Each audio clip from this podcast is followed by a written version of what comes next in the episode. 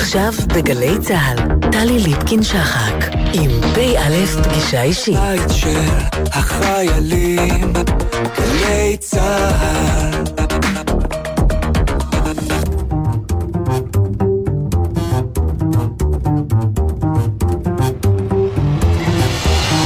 ערב טוב. החודש הלך לעולמו תת-אלוף בדימוס יצחק טולקה ארד, היסטוריון, טייס קרב ולשעבר יושב ראש יד ושם. אנו מביאים בשידור נוסף את התוכנית על-אזרחי, בה התארח ארד, זיכרונו לברכה. התוכנית שודרה לראשונה באפריל 2012.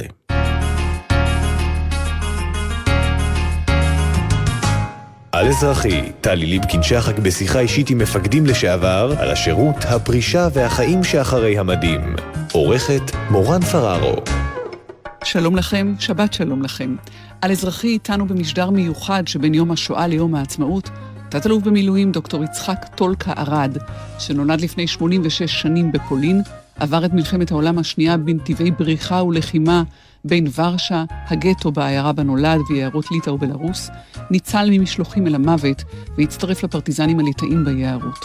השתתף בקרבות נגד הנאצים כחבלן בפיצוץ מסילות ברזל וגשרים ואף אותר על ידי נשיא הרפובליקה של ליטא דאז באות פרטיזן דרגה א'.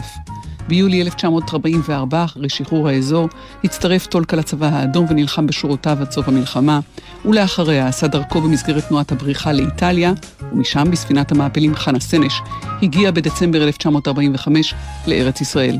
בתחילת 1946 התגייס ארד לקורס טיס של הפלמ"ח בנען, ובמקביל הדריך בקורסי חבלה במסגרות הכשרת המפקדים של הפלמ"ח. במלחמת העצמאות שימש בתחילה כטייס, בין היתר טס לגוש עציון אחרי נפילת שיירת נבי דניאל, ומשהתברר כי הוא עיוור צבעים, הורד מן המטוסים והיה לקצין החבלה של חיים לסקוב, השתתף בקרבות ומבצעים בירושלים וסביבתה וברפיח, כששימש קצין החבלה בחטיבת הראל של הפלמ"ח, ואחרי המלחמה התמנה מפקד פלוגה בחטיבה 7, ובשריון עשה את מרבית שירותו הצבאי. במבצע סיני פיקד על גדוד טנקים ושימש ממלא מקום קצין שריון ראשי, בהמשך התמנה קצין אג"ם גיסות השריון, סמח"ט שריון ומדריך בפום, ראש מעד אימונים, ובמלחמת ששת הימים שירת כעוזרו של ראש מחלקת מבצעים במטכ"ל. לאחריה כיהן כראש מטה אוגדת מילואים, עד שבשנת 1968 התבקש יצחק ארד לקבל עליו את תפקיד קצין חינוך ראשי, והועלה לדרגת תת-אלוף. בתפקידו זה נדרש לעצב את תודעת הלוחמים ולהטמיע ערכים במציאות החדשה שאחרי המלחמה, מציאות של שליטה על הפלסטינאים בשטחים שנכבשו.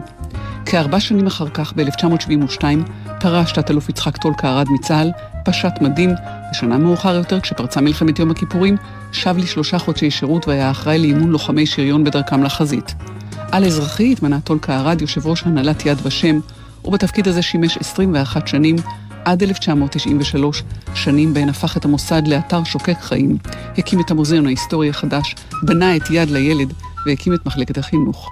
גם אחרי פרישתו המשיך להיות מעורב במוסד בייעוץ ותמיכה אקדמית. יצחק ארד, שהשלים את השכלתו האקדמית בעבודת דוקטורט שנושאה שואת יהודי וילנה ומאבקם נוכח הכיליון, היה לסמכות אקדמית בתחומי חקר השואה והגבורה, חיבר וערך עשרות ספרי עיון וזיכרון, המגוללים פרקים חשובים בהיסטוריה של השנים ההן, והוא חתן פרסים רבים בתחומי מפעלותיו.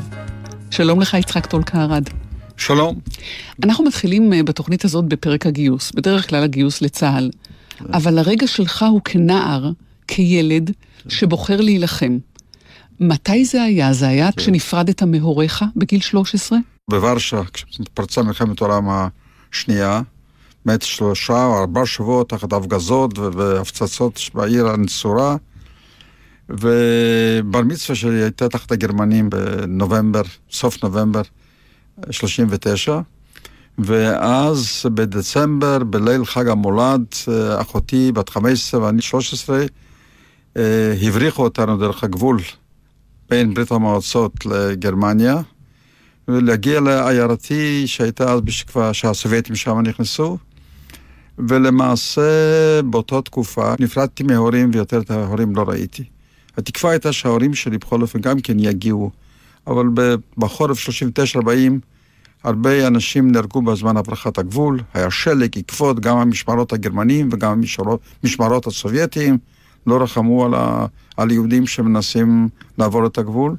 והם נתקעו בוורשה ונספו עם כל יהודי ורשה. ביוני 41 הגרמנים תקפו את ברית המועצות, ואני כבר אז uh, כמעט 15, ניסיתי כמובן לברוח, כמו ש... אבל הטנקים הגרמנים התקדמו יותר מהר מאשר אנוכי, יכולתי ללכת רגלית. השארתי תחת הגרמנים, ואז אה, בעירה שלי ספינצ'אנס, שם היה בני משפחה שלי כולם. ובספטמבר 41 הם הודיעו שמעבירים את כל היהודים לגטו כביכול, באיזה מחנה עזוב 12 קילומטר מהעיירה, ושם כמובן ירו בכולם. אני ברחתי משם, הסתובבתי בבלרוסיה, אחר כך חזרתי לגטו קטן שהשאירו, עם בעלי מלאכה, חייטים, סנדלרים, חשמלאים, ושם הייתי בלתי חוקי. ביום בהיר אחד נתפסתי על ידי הגרמנים, חשבתי מוציאים אותי להורג, אבל לי אותי ועוד איזה עשרה יהודים למין מחסן מחוץ לעיירה, ושם מחסן נשק. ואני עוד בתקופה שהייתי בתוך הגטו הקטן, שבחורף של 41-42, ישבנו חבורת נערים בני 14, 15, 16, מה עושים? ידענו שהשמידו את כולם וגם את מעט אלה שנותרו גם כי השמידו. המסקנה בשיחות היה, צריך להשיג נשק ולברוח לפרטיזנים ולהתחיל להילחם. גם להילחם נגד משמידי משפחות שלנו, העם שלנו, וגם כדרך הצלה, ראינו ביער גם דרך uh, הצלה. וכשנכנסתי לאותו מחסן נשק, פתאום אני רואה ערימות שלמות, ואז בשלב מסוים שהגרמני ששמר עלינו יצא החוצה לעשן, מצאתי מין רובה פרשים קטן כזה, דחפתי מתחת לחולצה, בלי לחשוב הרבה, וכל היום המשכתי לעבוד, וזה דוקר לי למעלה ודוקר לי למטה, וחשבתי כל רגע הגרמני רואה. במשך היום עוד הספקתי להכניס כמה כדורים למגפיים, ובמשך פתאום עבודה, מסדרים אותנו, חשבתי זה הסוף, בטח יחפשו אצלנו, ואז מוציאים אותי ואת כל העשרה יהודים למוות. לא, לא חיפש, התחילו להוביל אותנו לגטו. הגטו איזה שני קילומטר, הגטו קטן. וכל הדרך חשבנו, בש, בשער של הגטו, שאמרו שני שוטרים ליטאים שחיפשו, חיפשו מזון, לא חשבו על הברחת נשק. יחפשו מוות, לא יחפשו, יש סיכוי. מזל שלנו שחייל הגרמני העביר אותנו דרך השער, ראה שהגרמני מוביל אותנו, הוא עזב אותנו. באותו ערב אספתי כמה חברים ואמרתי, חבר'ה, מחר בבוקר אנחנו צריכים להתייצב לעבודה, בואו גם כן לעבודה הזו. בחודש ימים אה, גנבנו משם שני מסתכלי נשק והקמנו קבוצת מחתרת. ואני רואה את זה ביום שהיה לי נשק, זה כבר היה, מאז ראיתי עצמי כלוחם. ואתה אכן חובר בהמשך לפרטיזנים הליטאים אה, ליחידת וילניוס. כן, ובכן, קודם כל זה פרטיזנים סובייטים, שלא תהיה טעות, זה פרטיזנים סובייטים, קומוניסטים ליטאים, ש... שהיו פרטיזנים ליטאים שנלחמו נגד הסובייטים. אה, ואני הייתי, מההתחלה היינו קבוצה, כשברחנו ליער, היינו קבוצה של יהודים לבד, 25 נערים ונערות, והיה קשה מאוד. פרטיזנים לא יכולים להתקיים בלי עזרת האוכלוסייה המקומית. האוכלוסייה המקומית הייתה אנטישמית. לא הייתה מוכנה לסבול בכלל פרטיזנים, כשפרטיזנים באו, לקחו אוכל ולקחו לבוש, כלומר זה היה הדרך לחיות. לזה מתווסף מימד אנטישמי, אז היו מיד מוסרים. איכשהו איזה חודשיים התחמקנו, איכשהו שרדנו, ואחר כך פגשנו פרטיזנים סובייטים, אז עברנו להם, וכעבור זמן קצר הגיעה איזה קבוצת צנחנים, קומוניסטים ליטאים שהוצנחו מברית המועצות, להתחיל לארגן את תנועת הפרטיזנים בליטא, אני צורפתי עליהם עד, אה, עד שהתחברנו עם הצבא האדום ביולי 1944. יש גם בוודאי איזשהו יסוד של הרפתקה לאיש צעיר, לבחור צעיר, לנער, לאחוז בנשק, ובכל זאת, יש פחד? פחד יש, ודאי יש פחד. חיי פרטיזנים, אתה כל רגע יכולת להימצא מול התקפה גרמנית, לא היה עורף, היית בעורף, כן? כל, בכל פעולה שיצאנו, אני, ואני השתתפתי בפיצוץ בהרבה פעמים רכבות של גרמנים, 13 רכבות. היינו יוצאים חוליה של חמישה אנשים לשבועיים, שלושה מהבסיס ביערות בלרוסיה, והולכים ביערות, בכפרים, וכל רגע יכולת להתקל במערב פרטיזני, או שלנת, או ישנת בלילה, שמישהו ילשין עליך, ככה שהפחד היה. אבל הבעיה הייתה להתגבר על פחד. אין פה מה, מה לעשות, התגברתי, וכמו שאחרים. וגעגוע? אני לא פעם חשבתי על זה, האם, האם חשבתי על ההורים, האם התגעגעתי עליהם. האמת שאני היום לא זוכר את המושג געגועים. כלומר, החיים היו כאלה מלאים. כלומר, ברגע שגנבנו את הנשק, גנבנו והתארגנו מחתרת, והמשכנו ופעלנו, כלומר, כל החיים המלאים תוכן של לחימה. ידעתי שהוריי נותרו בוורשה ולא ידעתי את גורלם. לא ידעתי שהם על חיסול גטו ורשה, זה רק נודע לי אחרי שהתחברנו עם הצבא האדום, אז, אז נודע לנו על מרד גטו ורשה ועל, ועל זה שהוריי כנראה נרצחו יחד עם כל יהודי ורשה. ככה שמבחינת געגועים קשה לי. כמובן, ככל שהשנים עברו, להפך, דווקא אז מתחילים יותר להתגעגע ויותר לחשוב, ואני עכשיו עלה בדיור מוגן, ואני בחוג של גילוף עץ גם, ומה שאני מגלף עכשיו בעץ, זה את אבא ואימא ואחותי. כל מין הנצחה אישית. מיכל אומרת לאשתי, מה אתה משוגע כזה? אומרת, מיכל, את לא מבינה. זה לא הולך לחוג גילוף עץ. אני מנציח את הוריי ואת אחותי. ואני רוצה שלילדים שלי, לנכדים שלי, יישאר משהו, חוץ מתמונה, גם משהו ב...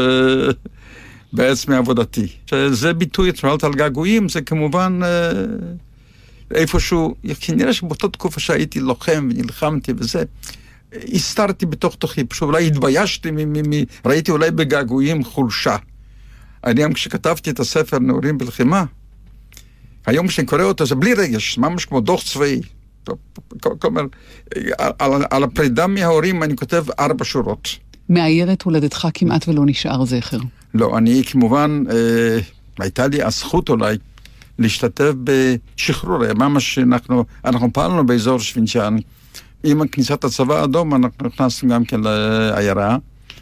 ובעוד שחבריי הפרטיזנים הרוסאים, הרוסים והבלרוסים והאוקראינים שהיו איתי אה, שתו ורקדו וכל זה, אני ועוד שניים שלושה יהודים הלכנו ברגל 12 קילומטר לפוליגון, מקום בו הכפרים של כל היהודי עיירה. שריפה, אחים, שריפה. כן. ביקשת, נשמע ונחזור. שריפה, אחים, שריפה, עיירתנו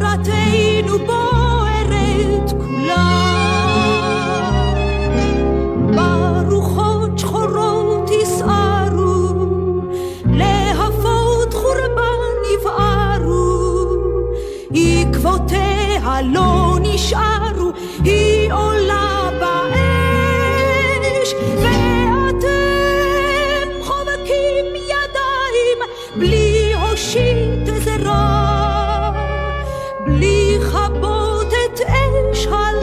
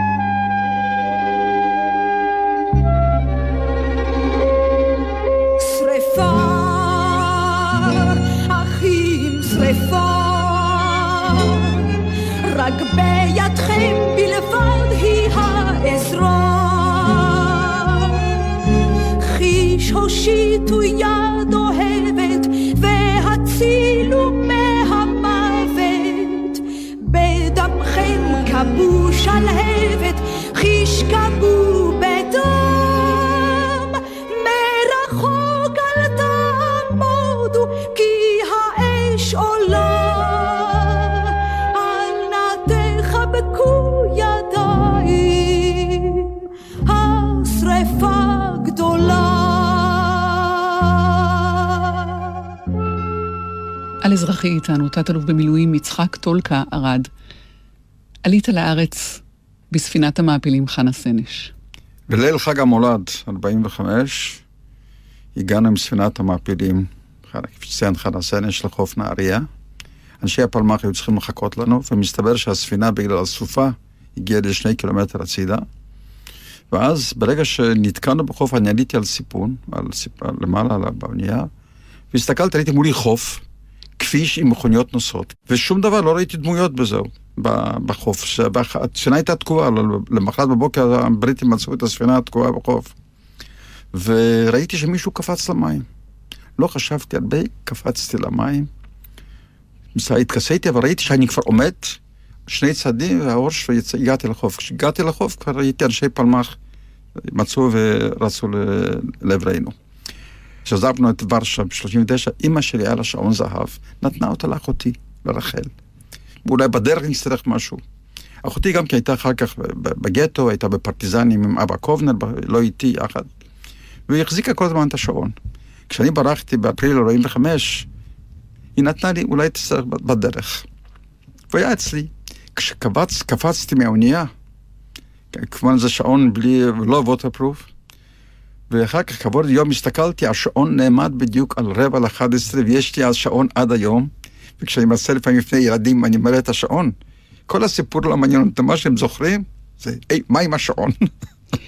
טולקה, אמרת שרחל אחותך גם הייתה בפרטיזנים. כן. ועולה בי שאלה. כן. מה בחינוך של הוריכם שהוציא מקרבם שני ילדים לוחמים שלא ויתרו? העיירה היה איזה מין חממה. זה יהדות ליטא. יהדות ליטא הייתה יהדות מעורה בחיים יהודיים, כי אצלנו בעיירה האינטליגנציה היהודית דיברה יידיש, לא, או, או עברית, אבל לא פולנית ולא ליטאית ולא רוסית. כלומר, ה... היינו בחינוך אה, לאומי. וזה אין ספק נתן לנו גם גאווה לאומית ו- ו- ולא להיכנע. גם החינוך וגם התנאים, כלומר המציאות שהיינו באזור שבו היו יערות. המציאות שהיו פרטיזנים ביערות, כלומר שמענו עליהם. והמזל שלי היה שהיו תנאים ללחימה ביערות. מעבר ל- לרצון וליוזמה, היית צריך גם שיהיו תנאים מתאימים. הגעת לארץ בדצמבר 45, אתה בן... 19. בעצם בן 19 בדיוק. בדיוק בן 19. כי בנובמבר היה לך יום הולדת. כן. עם עבר של לוחם, של פרטיזן ושל לוחם בצבא האדום, בלי יגור, נלקחת, דבר ראשון התיישבת לכתוב את זיכרונותיך. חשבת שתשכח? חשבתי שאשכח. חשבתי שנשכח, ואני שמח שכתבתי. כשלקחתי אחר כך, שנים אחרי זה, מה שכתבתי, אם לא הייתי כותב, לא הייתי זוכר לא את שמות המקומות, לא את התאריכים, פחות או יותר, גם לא סדר האירועים. אני זכרתי את האירועים, אבל לא תמיד הייתי יכולתי לשים אותם בדיוק מה לפני זה ומה אחרי זה. ככה שזה שהתיישבתי כמו שבאת לי לגור, כתבתי את זה בעברית. יש לי עד היום הכתב היד הזה. ואחרי זה הרחבתי את זה לספר נעורים בלחימה, ששם כבר הרחבתי. ו... כלומר, זה, אפשר להגיד זה כמעט יומן, שזה עדיין הכל היה טרי במחשבות. ובתום המלחמה הוספתי את הקטע של הפלמ"ח ומלחמת העצמאות. אז זהו, שאתה גומר לכתוב את זיכרונותיך, אבל אתה פניך אל, אל, אל הנשק ו, וללחימה, גם פה הייתה הרבה עבודה, הלכת לקורס טיס. כשהתגייסתי לפלמ"ח, הייתה לי פגישה עם דמות ידועה בפלמ"ח, הפגיש אותי עם בני מרשק. ואז אומר לי, טולקה, שמענו עליך שאתה היית לוחם, פרטיזן, וכל זה, כן, תבחר איזה יחידה שאתה רוצה בפלמ"ח. והיו שלוש יחידות נבחרות.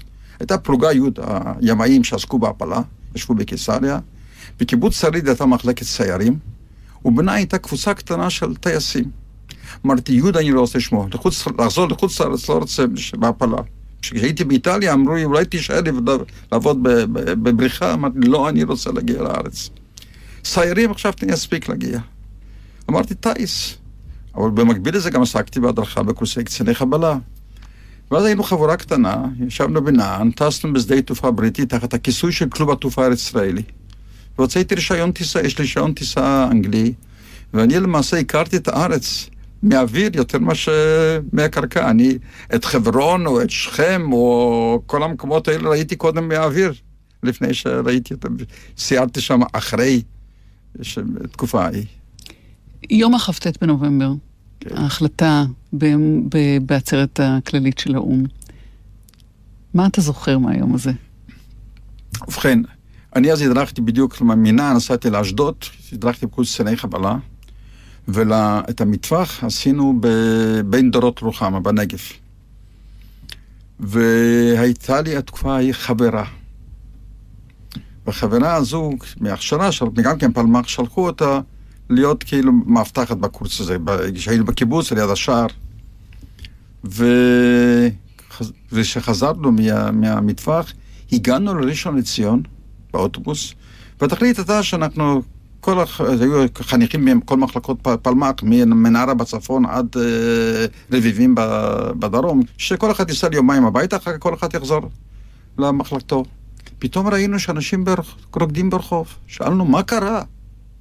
ועוד קודם, כשעבדנו על יד משק עיינות, יש שם, לפני רען יש משק עיינות, גלים ראינו, לא הבנו מה זה.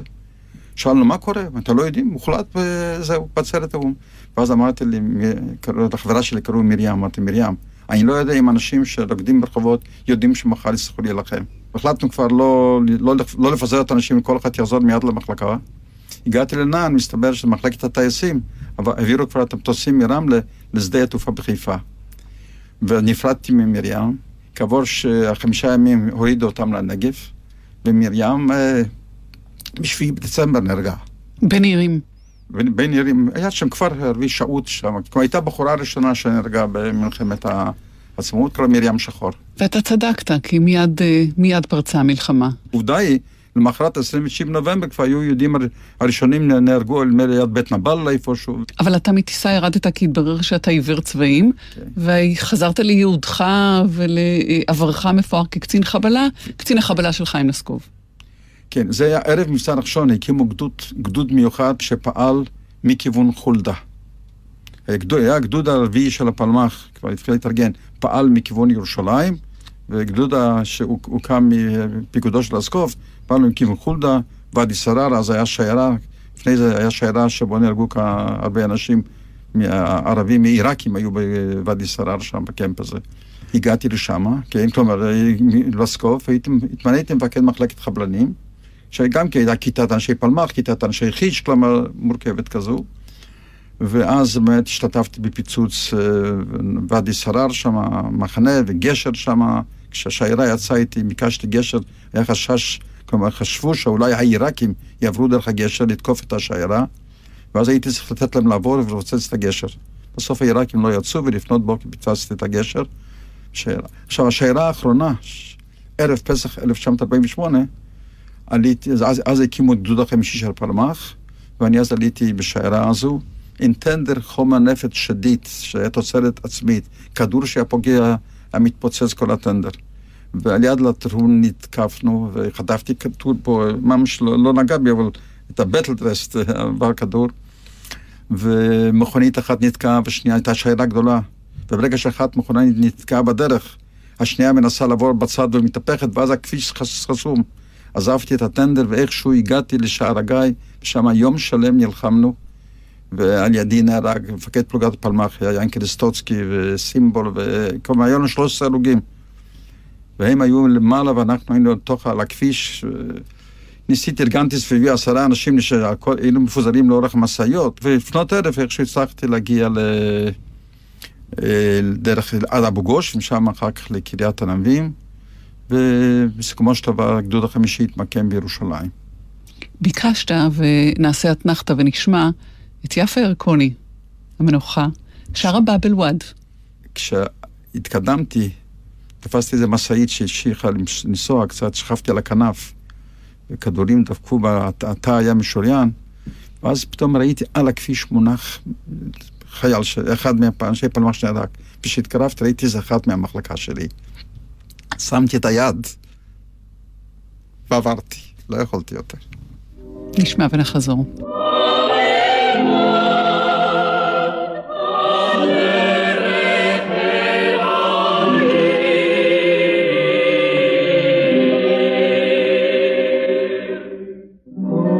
אני עובר, ניצב ליד האבן, כביש אספלט שחור, סלעים ורכסים, ערב ואת יורד, רוח ים נושבת, אור ראשון, מעבר בית מחסים. בבלוואד, לנצח זכור נא את שמותינו, שיירות פרצו בדרך אל העיר, בצידי הדרך מוטלים מתינו, שלד הברזל שותק כמו ראי.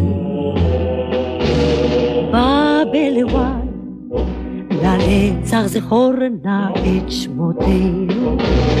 בבלוואן, בדרך אל העיר. הוא בשמש, זפת ועופרת.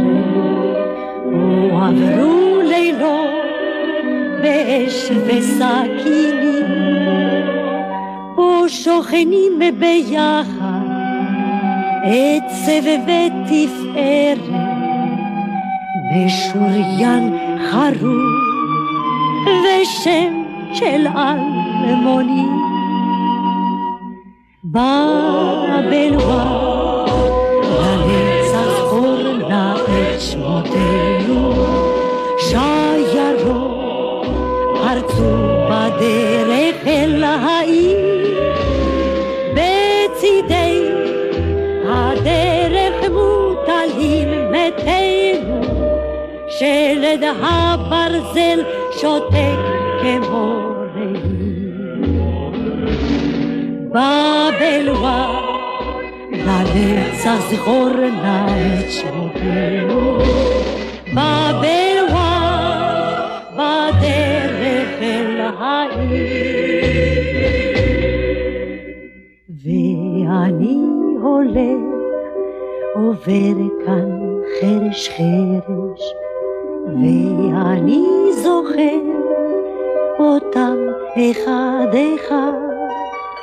כאן לחמנו יחד, על צוקים ותרש, כאן היינו יחד, משפחה אחת. בבלוואן, לנצח זכור נא את שמותינו, שיירות פרצו בדרך אל העיר, בצידי הדרך מוטלים מתינו, שלד הברזל שותק כמו ראי. בבלוואן, לנצח זכור נא את שמותינו, בבלוואן, בדרך אל העיר.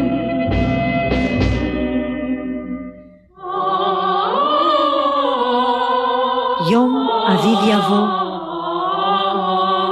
רקפות תפרחנה, אודם כלנית, בהר ובמורד. אשר ילך בדרך שהלכנו, לא ישכח אותנו.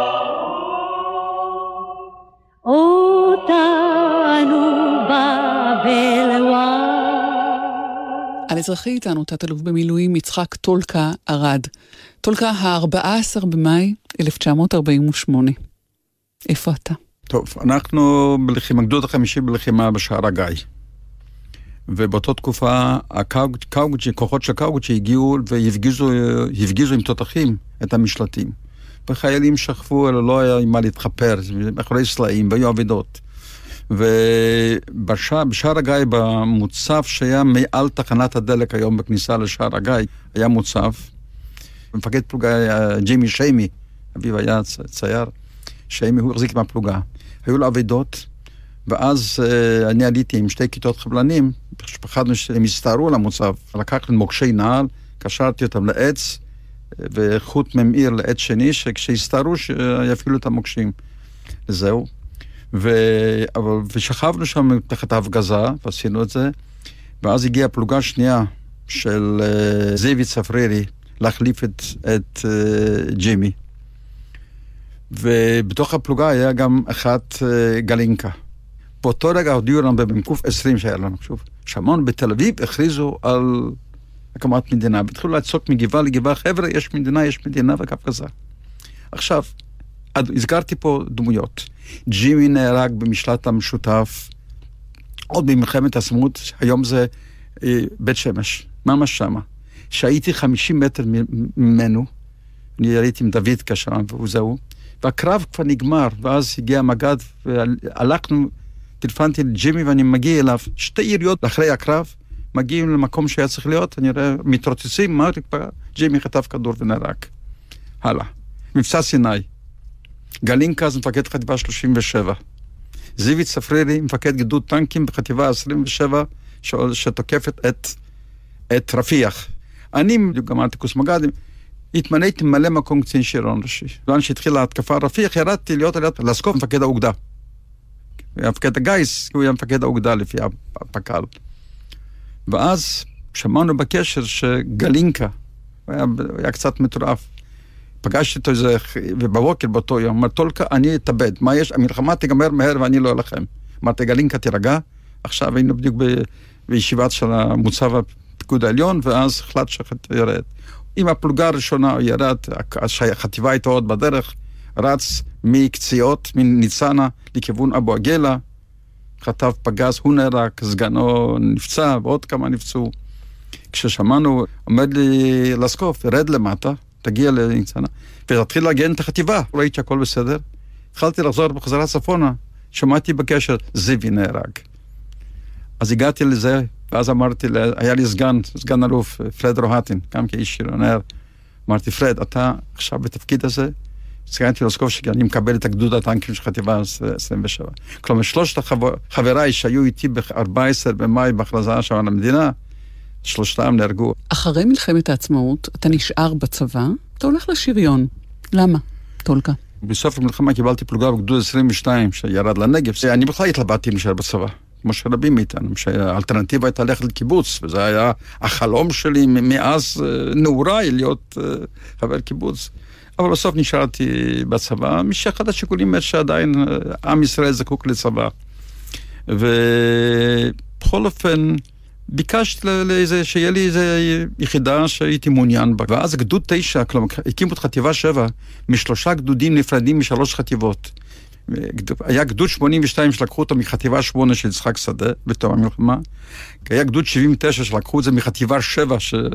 שהייתה במלחמה בצפון. חיים נוסקוף היה מפקד כמה זמן. וגדוד 9 מהפלמ"ח, מחטיבת הנגב. ואני ביקשתי, כלומר, כפלמ"חים, שיציבו אותי לגדוד 9. ואחר כך היה מבצע סיני, שבו השריון okay. זכה לתהילה גדולה וקיבל את מרכז הבמה. ובמלחמת ששת הימים, okay. מלחמת ששת הימים אתה כבר בתפקיד מטה. Uh, המלחמה תפסה אותי כשהייתי. באוניברסיטה. הלוא במלחמה בעולם לא, לא השלמתי את, את הבגרות שלי, אז את הבגרות השלמתי בתפקידים שונים כשהייתי בצה"ל, בערבים, בכל מיני קורסים שלמדתי. ואז בתקופה של מלחמת ששת הימים הייתי באוניברסיטה בדיוק. ולא היה לי מינוי חירום. חופי היה אז ראש אגב מבצעים, וכשחופי, והיה שיהיה לו איזה כפיל שיוכל להחליף אותו כשהוא הולך לנוח לישון. ואז אכן הייתי בתפקיד הזה. ובתפקיד הזה זכית להיות נוכח במעמד המרגש בכותל המערבי.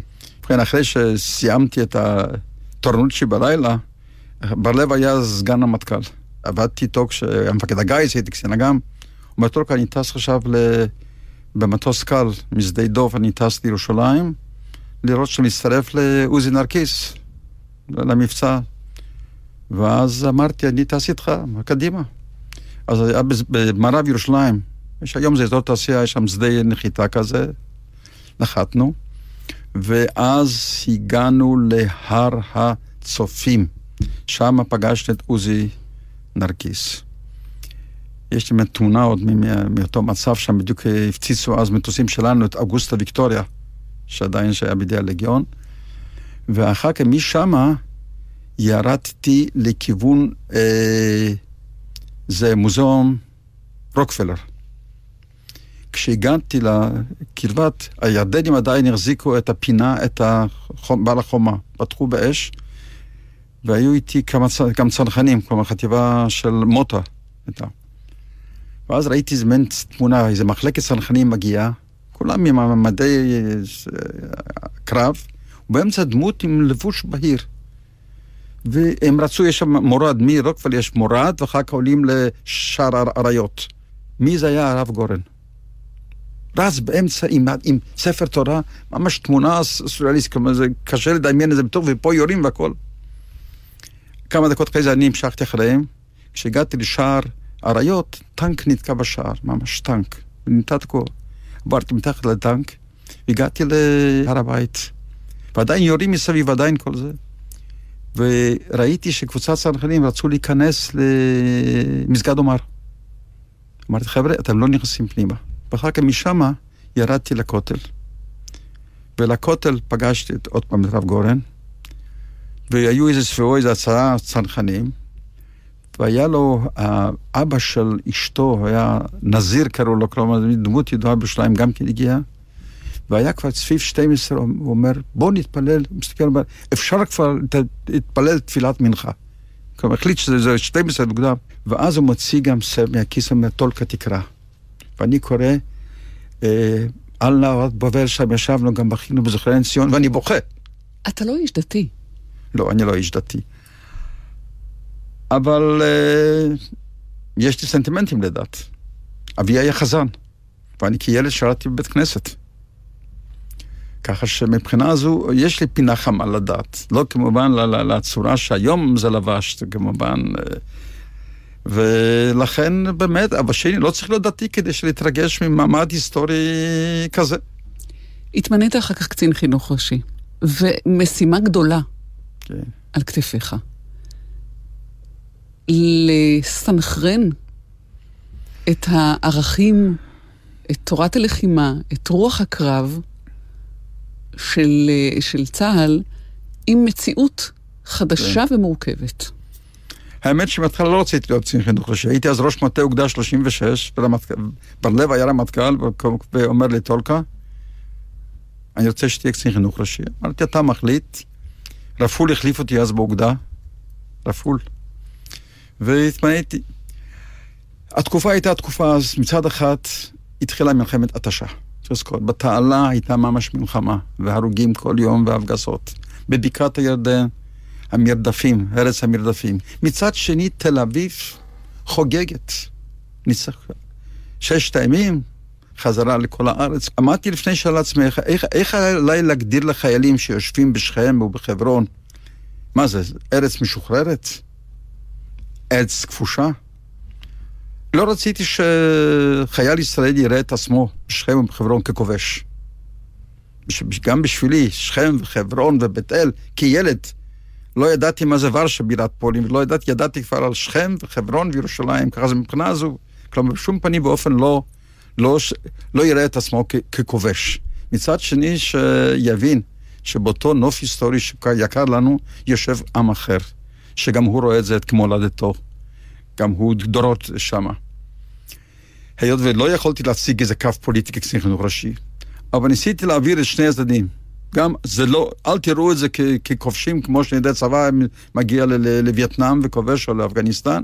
מצד שני, גם לא, אתם לא שחררתם, יש, את האוכלוסייה שם לא שחררתם. כלומר, להבין את זה, ובסקאלה הזו, בין כובש ובין משחרר, כל אחד צריך להציב את עצמו שזה נכון עד היום הזה.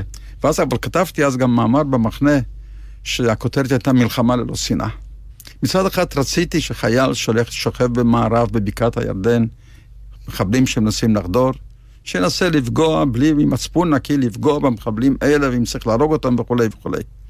מצד שני, רציתי להסביר, להעביר להם, רבותיי, אנחנו חיים, סביבנו קיים עם ערבי, שיישאר פה, וחייבים מתישהו להגיע לשלום. לכן חשוב לא לפתח שנאה. כלומר, את המשימה צריך לבצע, צריך לעשות כל מה שצריך, אבל לזכור שצריך להקוות שיום שלום, שנצטרך לחיות ביחד. דרך ארוכה עבר הנער, הפרטיזן, מיערות בלרוס ואוקראינה עד תפקיד קצין חינוך ראשי של צה"ל בדרגת תת-אלוף. ביקשת, טולקה, לשמוע את תהבהב לה האש, שיר שמחזיר אותך כן. אל ימיך כפרטיזן. נשמע ונחזור. תהבהב לה האש בקירה, התלכדו האודים כדמעות. מפוחי תנגן שירה, על בצחוק בעיניים יפות, לי שיחים לחשוב אודותך, בשדות שם השלג מלבין, מה ארצה כדמותך תעזי, את קולי משתוקק לקראתך.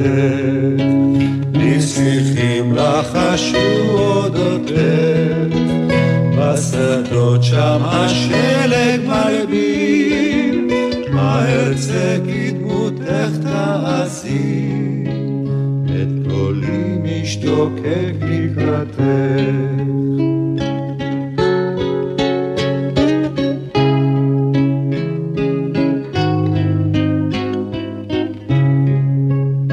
את כעת רחוקה רחוקה, ובינינו שלגים ושלגים, לביתך אין דרכי רחוקה, ולמוות ארבעה צעדים. אוי נגני מבוכית לי שיר סתם, עלי אושר כי רב תספרי. ובקול חפירות לי יחם, מפקוד אהבה בליבי. אוי נגני מבוכית לי שיר סתם, עלי אושר כי רב תספרי, ובקול חפירות לי יחם, מפקוד אהבה בליבי. על אזרחי איתנו, תת-אלוף במילואים יצחק טולקה ארד. ארבע שנים טולקה היית קצין חינוך ראשי, ואחר כך באיזשהו אופן חזרת להיות הפרטיזן, כי לקחת על עצמך את תפקיד יושב ראש הנהלת יד ושם. השתחררת כדי לקבל את התפקיד הזה, או שמשהשתחררת בא לפתחך התפקיד? לא, אני הייתי עדיין קצין חינוך ראשי. ואז סגן ראש הממשלה ושר החינוך והתרבות היה יגאל אלון, מפקדי מהפלמ"ח. ואז ביום בהיר אחד הוזמנתי אליו, הוא אומר לי, טולקה, אני מציע לך למנות אותך ליושב ראש הנהלת יד ושם. אמרתי, תן לי לחשוב יום יומיים. באתי אז לרמטכ"ל, רמטכ"ל היה אז דוד אלעזר דדו, שוב, גם כן שיחד עבדנו בשריון וכולי. אמרתי, דדו, אני רוצה לעזוב את צה"ל. אומר לי, דדו, הייתי רוצה, כשאני רמטכ"ל, שתהיה קצין חינוך ראשי. הייתה תקופה גם רגישה אז עם מכתב שמיניסטים, אם את זוכרת, עם, עם, עם בעיות במחנות בעזה, עם אריק בפיקוד דרום וגנדי בפיקוד מרכז, ושיר השלום, ש... עם כל הפרשיות האלה, שלקחתי הכל על עצמי. אמרתי, שמע, אני ניצול שואה. לביטחון ישראל מסרתי כבר יותר מ-25 שנה. אני רוצה לחזור, לתת עוד סיבוב חיים שלי לעולם ממנו באתי, לעולם שנחרב בשואה. טוב, אומר לי, אם ככה, אני לא, לא אמנע ממך, בוא נראה מי יחליף אותך. זרקנו כל מיני שמות, ואז שאול גבעולי בא להיות כמה חודשים סגן שלי וקיבל את התפקיד. ואז הגעתי ליד ושם. מה המשימה הגדולה ביותר שראית לנגד עיניך ביד ושם אז? תראי, רציתי בכל אופן שיד ושם יהפך לגורם המרכזי בנושא השואה, לא רק בארץ, אלא בעולם היהודי. וכשאני אומר להפך, זה להפך בכל התחומים. גם שהאתר עצמו יהיה אתר מרשים, שאנשים ירצו לבוא, שיהיה מוזיאום מתאים שיוכל, שנותן את הסיפור של, ה, של התקופה בצורה מתאימה, שיהיה מח, מרכז מחקרי, שהארכיון יהיה עם חומר, כלומר, כדי, כדי באמת להפך למשהו, המרכז לנושא, לאותה תקופה מכרעת בתקופת העם היהודי, במשך אלפיים שנות תולדות ישראל, שתי האירועים המכריעים היו השואה ותקומת ישראל, והגורל רצה שאני הייתי בשניהם, גם עד וגם פעיל. וראיתי שיד ושם יהיה מקום הראוי לו. כלומר, באמת אז מיד הקמתי את המוזיאום החדש, שאני הייתי האוצר שלו. והחלטתי שהדרך כהיסטוריון, הגישה הנכונה היא כרונולוגית, לספר את תולדות השואה לפי כרונולוגיה. להקדיש לא מעט זמן לעולם שנחרב, לא רק למה שנרצח, אלא מה שהיה לפני הרצח. וזה חשוב גם מאוד, גם היום שאני מרצה, אני אומר, רבותיי, לא רק מה, ש, מה שנרצח שצריך, אלא גם בנושא הזה. ולהבליט את כל התחומים האלה, כן, בשעתה לי, ואז באמת הקמתי את האנדרטות מרד גטו ורשה, כן, שזה סמל הלחימה היהודית ואתר, ועוד דברים, וארכיון והכל. וכמו היו בעיות תקציביות קשות, אני נלחמתי קשות נגד uh, הממשלה, ולא פעם איימתי שאני אסגור את המוסד אם, אם לא יהיה תקציבים מתאימים. ואני רוצה להגיד שבכל אופן, לאט לאט uh, זה הפך למקום שכל מבקרי, כל האורחי חוץ לארץ שבאו לארץ, הביאו אותם יד ושמש, שסברו שהבנת מדינת ישראל צריך להבין את הרקע של השואה. הקמת את יד לילד. אה, תמיד זכרתי את עצמי כילד ניצול שואה. כלומר שהשואה שהייתי בן, עוד לא בן 13, בר מצווה שלי הייתה תחת הגרמנים. ככה שהקמתי זה, ואז אה, ביקשתי מסבדי, שהיה ארכיטקט, ועד היום אחד הארכיטקטים הידועים בעולם.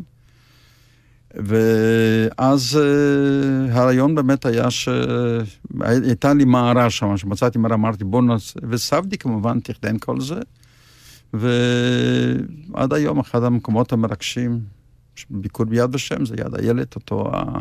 עם השמות שמזכירים, עם הגיל. ואחר כך הקמתי את בקעת הקהילות, שרציתי שידעו, כלומר, שהעולם שנחרב. כלומר, היה של חמשת אלפים שמות חרוטים באבן, והמבקר יוכל להיכנס ולקבל באמצעות מחשב את תולדות כל קהילה וקהילה מחמשת אלפים האלה. הייתה לך תחושה של דחיפות כבר אז, לפני כל כך הרבה שנים, כן. של הזמן העובר ושל הצורך כן. לגבות עדויות כן. מכל מי שעוד יכול לספר? כשמדובר על השואה, יש לנו בארכיונים חומר גרמני, משהו גרמני, יש חומר של הסובייטים וכולי, אבל אין ספק, כן, הסיפור איך יהודים חיו, מה ידעו, איך חיו, מה חוו, חוו באותה תקופה, איך נאבקו למען במחלות ובנגד וברעב וכל הדברים האלה, זה רק מתוך סיפורי הניצולים. ולכן ראיתי תפקיד חשוב ביותר, גיסוף ידיעות, מפעל שנמשך עד היום. כל הבעיה היא שלאט לאט אנשים שוכחים. אני כהיסטוריון, כשהתחלתי לעבוד על, על מחקר על מבצע ריינת, השמדת יהודי פולין, מחנות השפדה בלזץ, סבור וטרבלינקה, אה, גביתי עדויות מניצולים שהיו עדיין בארץ, אבל היו לי גם עדויות שלהם, שב-45 הם היו במחנות העקורים, אז גם כן מסרו שמה. יכולתי להשוות את אותו עדות בהפרש של 30 שנה ו-40 שנה. היה הפרש, היה שוני. למה? לא שאנשים שיקרו, לא. אבל פשוט במשך שנים הם שמעו הרבה מאחרים שהיו איתם סיפורים, כל מיני אירועים שאפילו הם בעצמם לא היו בתוך תוך זה. אחר כך בכל אופן הם סיפרו זה כאילו שהם בתוך זה, כלומר. אז לכן החשיבות של הידיעות הראשונות הן חשובות ביותר, אם כי גם היום עדיין צריכים להמשיך לגבות.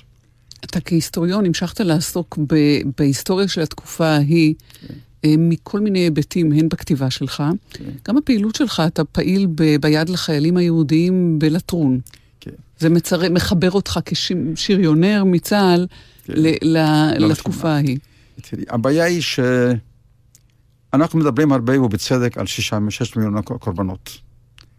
אבל צריך לזכור שלעם היהודי יש גם חלק בניצחון על גרמניה הנאצית. מיליון וחצי חיילים יהודים נלחמו בצבאות בנות הברית.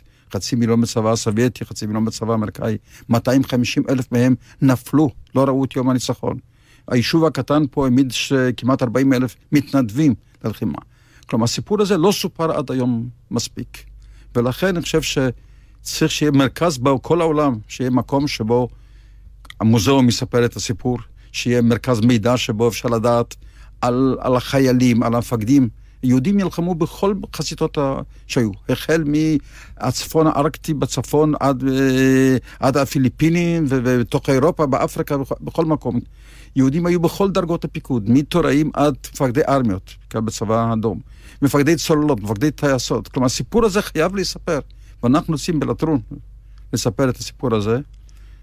באמת פה יש מקום להזכיר את שמו של היוזם של זה, זה היה מוסה פלט.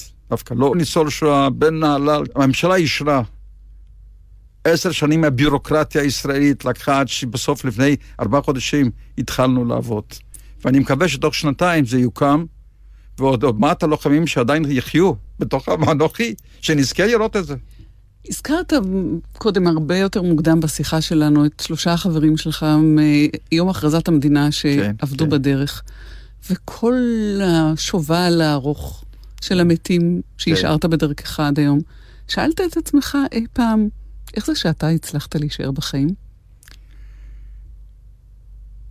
אני לא רוצה לשאול את השאלה הזו. למה לשאול את זה? למה?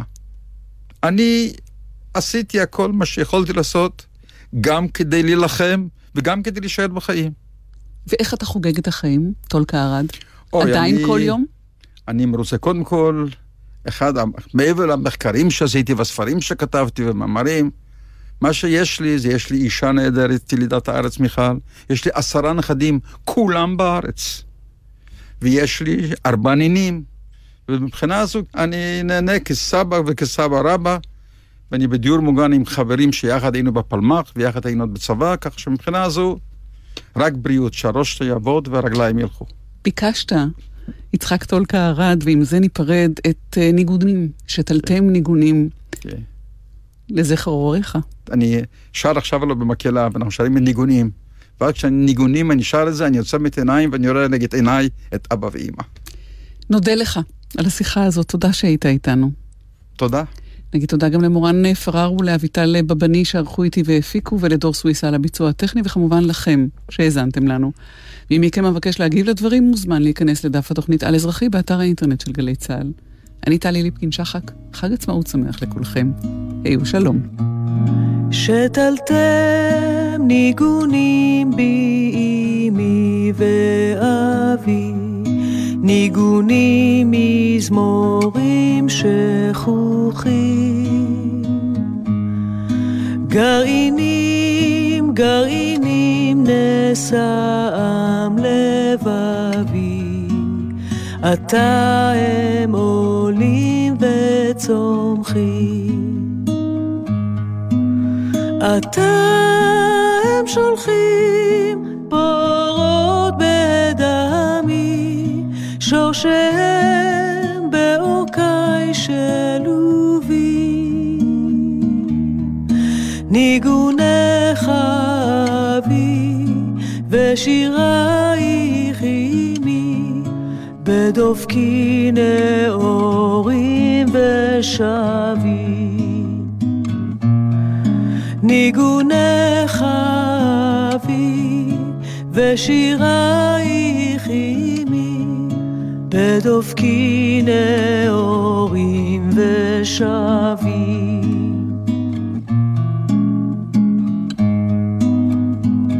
האזנתם לתוכנית על אזרחי, בה שוחחה טלי ליפקין-שחק עם תת-אלוף בדימוס יצחק טולקה ארד, זיכרונו לברכה.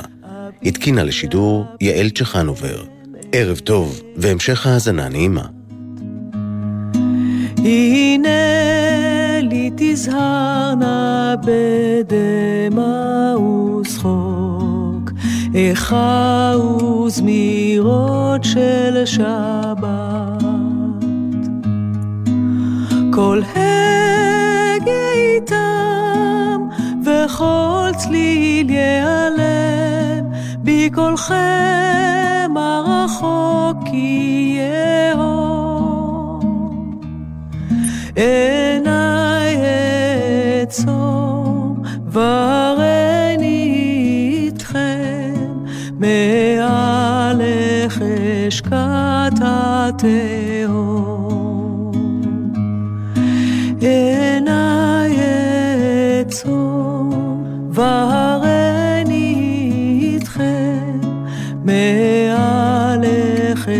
escatate.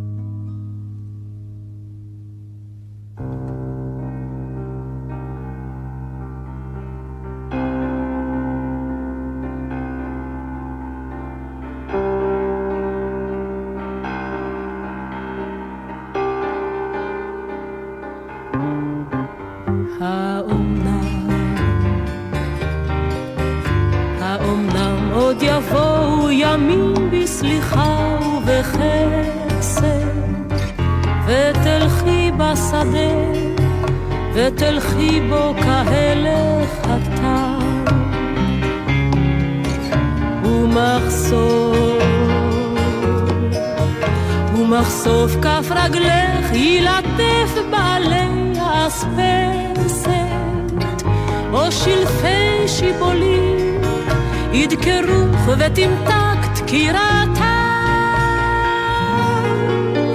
או מטר ישיגך בעדת טיפותיו הדופקת על כתפייך, חזך, צווארך וראשך רענן.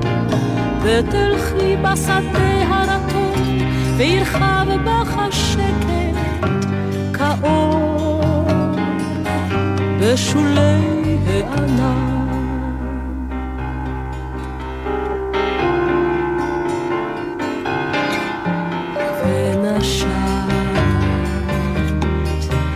ונשמת את ריחו של התלם נשום ורגוע וראית את השמש בראי השלולית הזהוב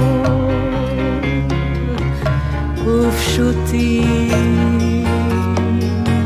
ופשוטים הדברים וחיים ומותר בם לנגוע ומותר לאהוב ומותר ומותר לאהוב